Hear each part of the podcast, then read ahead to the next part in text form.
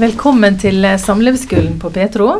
I dag så skal vi ha en litt uvanlig episode i forhold til hva vi har hatt før. For det skal nemlig handle om eh, samfunnet. Ja. Ja, fortell. ja, altså det handler om tillit i dag. Og Overskriften er det vi gjør som familie, og tenker som familie, det former samfunnet vi bor i. Og samfunnet vi bor i, det preger oss og våre muligheter. Som familie og for ungene våre.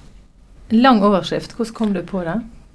Ja, du vet, Da skal jeg si det på en annen måte. Ja. De fleste har trøsta seg eh, når de er som foreldre har trøsta seg med følgende utsagn.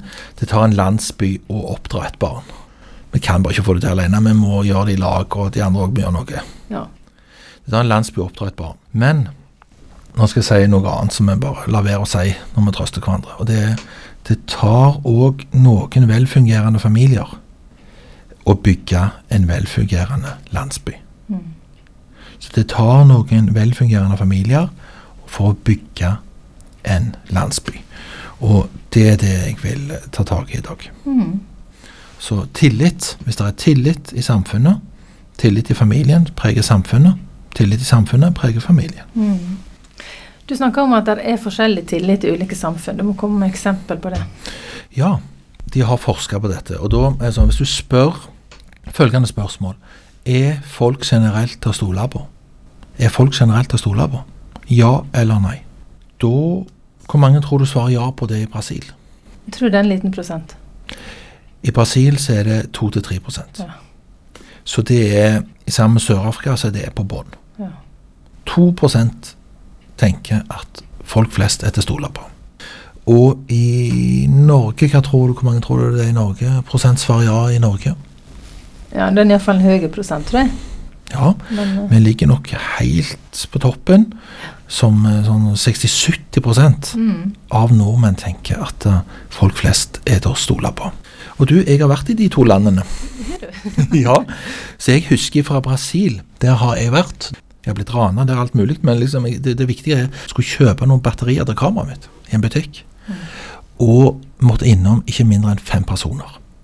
Man kan gjerne kalle det sysselsetting, men jeg måtte innom eh, dørvakten, den som tok imot bestillingen, den som fant varen, den som tok betalingen, og så var det to som sjekket betalingen og pengene etter jeg hadde kjøpt det. Før jeg fikk gå.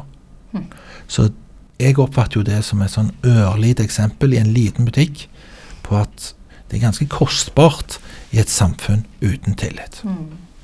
Vil du ha et fint eksempel? Ja. Jeg vet ikke om dette er bra jobbradio, radio, altså, men på Sandnes, der jeg kommer ifra, der er det en veldig kjekk butikk som heter Bøndenes eh, Innkjøpslag. Og Det er ikke fordi jeg er bonde, men det er fordi vi har hatt kaniner.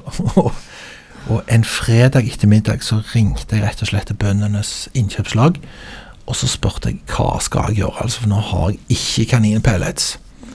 Og så kommer jeg ikke til å nå det innen stengetid. Og da sier de vi kan sette ut en sekk, og så kommer du bare innom og betaler til uka. Mm. Det forbinder jeg med Norge. At da, vi grunnleggende stoler på folk. Og de fikk solgt mer. Tillit er òg sårbarhet. Sant? Man liksom aksepterer sårbarheten, at man ikke vet, for man forventer noe positivt. Sant? Tillit er hva kan jeg forvente, eller hva kan jeg regne med? Så de regner helt generelt med at jeg kommer innom og betaler. Så skjedde det noe annet her på Bøndenes innkjøpslag en helt annen gang. Da hadde jeg vært i butikken, jeg hadde kjøpt kaninpellets igjen og betalt. Så skulle vi gå inn på lageret. Og der viste seg at det var ikke noe kaninpellets. Den lå liksom Det var fire meter høy stabel stapel med paller, og på bunnen lå kaninpelletsen. Så da var det tydelig at de uff, trenger vi gidde. Så sa jeg her står det en sekk med noen eh, liter, kan du ikke ta bare ta med deg noe av det, og så kommer du innom og henter den en annen dag. Da hadde jeg betalt. Hadde jeg mottatt varen? Nei. Skrev noen papirer? Ingenting. Men fikk jeg problemer når jeg kom for å hente den nye sekken? Ingenting. Det er veldig økonomisk med tillit. Vi slipper å sikre oss med en masse papirer hvis vi grunnleggende kan stole på folk. Vi trenger å forsikre oss alle, alle disse risikoanalysene som liksom kommer fra, et, fra andre land, som en metode. Vet, Vi trenger jo mindre å risikoanalysere hvis vi grunnleggende kan stole på. Da tåler vi mer sårbarhet. Hva er det mening? ja. Gjensidig tillit. Gjensidig tillit.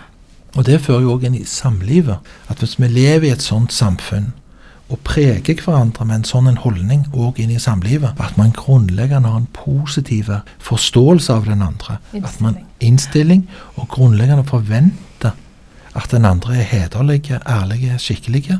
Mm. Så får alle mer ut av alt. Så hvorfor et samfunn er rikest? Det med tillit. Det har med tillit å gjøre. Mm. Det er bare til å sjekke økonomien. Er, og så vil jeg si en ting til om uh, tillit og familier. Det er, jeg har to bilder av det. Det ene er jo henta fra et gutteselskap, en bursdag. Sjokoladekaker er på bordet. Hvis de guttene da tenker at her gjelder det å stå på for å få noe, Mm. og tenker at det blir tomt hvis ikke jeg står på, så vil jo noen få mer, og noen vil få mindre. Men den totale kaka som sto der, ja, det, det var jo, de fikk akkurat så mye kake, men det ble fordelt ulikt. Det er en veldig spennende spennende faktum som folk får google da, hvis de ikke tror på det. Og det er at sosialøkonomene de mener at hvis man i et gutteselskap er opptatt av å sørge for at de andre får kake, vet du hva som skjer da? Da får alle. Ja, alle får. Det høres fint ut. Men det som du ikke aner, det er nesten som et mirakel henta fra Bibelen. Det er at kaka blir større. Det blir mer kake til alle. Så hvis vi i samfunnet er opptatt av å dele, så får alle mer. Så hvis man i et samfunn, ja i en familie selvfølgelig, er opptatt av å tenke på som, Hvis alle legger oppi fruktfatet, det de kan legge oppi og legge inn, så blir det mer til alle. Men du, nå skal jeg fortelle noen eh, litt mer om, om tillit i samfunn, og hva som teller. A. Den mest kjente faktoren heter Gini-kvotienten. Og den viser hvor stor forskjell er der på inntekt i det samfunnet mellom en direktør og en vanlig arbeider. Og det som er påfallende, det er jo at jo større den forskjellen er, jo mindre tillit er det i samfunnet. Mm. Og jo lavere den er, forskjellen, jo større tillit er det. Og i verden så er det jo Sverige. Svært høyt på tillit. Helt i toppen. Mhm. Størst Nei, nei, minst inntektsulikhet. Det jevnest. Er dette sosialisme, dette her, da? Det var ikke sånn jeg mente det. Jeg mener bare å si at der man er opptatt av å dele, blir det mer til alle. Kan du være helt konkret, Egil? Ja, hvis du tar Canada i nord, Mexico i sør, og tre lag, akkurat som ei fløtekake her, eh, tre lag Amerika deler Amerika inn i tre, så vil du se at hvis du begynner i Canada og går nedover de lagene, så blir det mindre og mindre tillit. Men hvis vi begynner på bånn og går oppover, så vil vi se at i de samfunnene der man deler mest, er mest opptatt av deltakelse i demokratiet, er det mer tillit. Så det er mest på toppen, og minst i Mexico. Det er minst drap på toppen, veldig mye på bånn. Det er mest sosial aktivitet. Folk er mer med i foreninger og lag.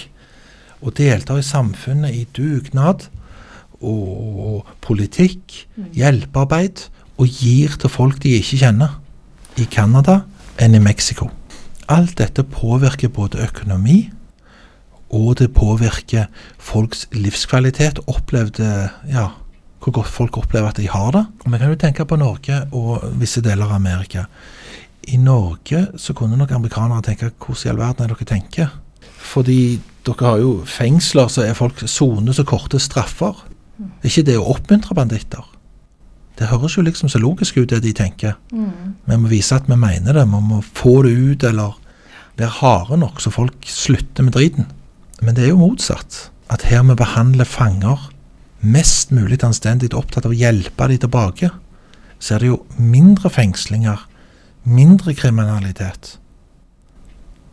Og her vi behandler mordere, og det er jo forferdelig det de har gjort.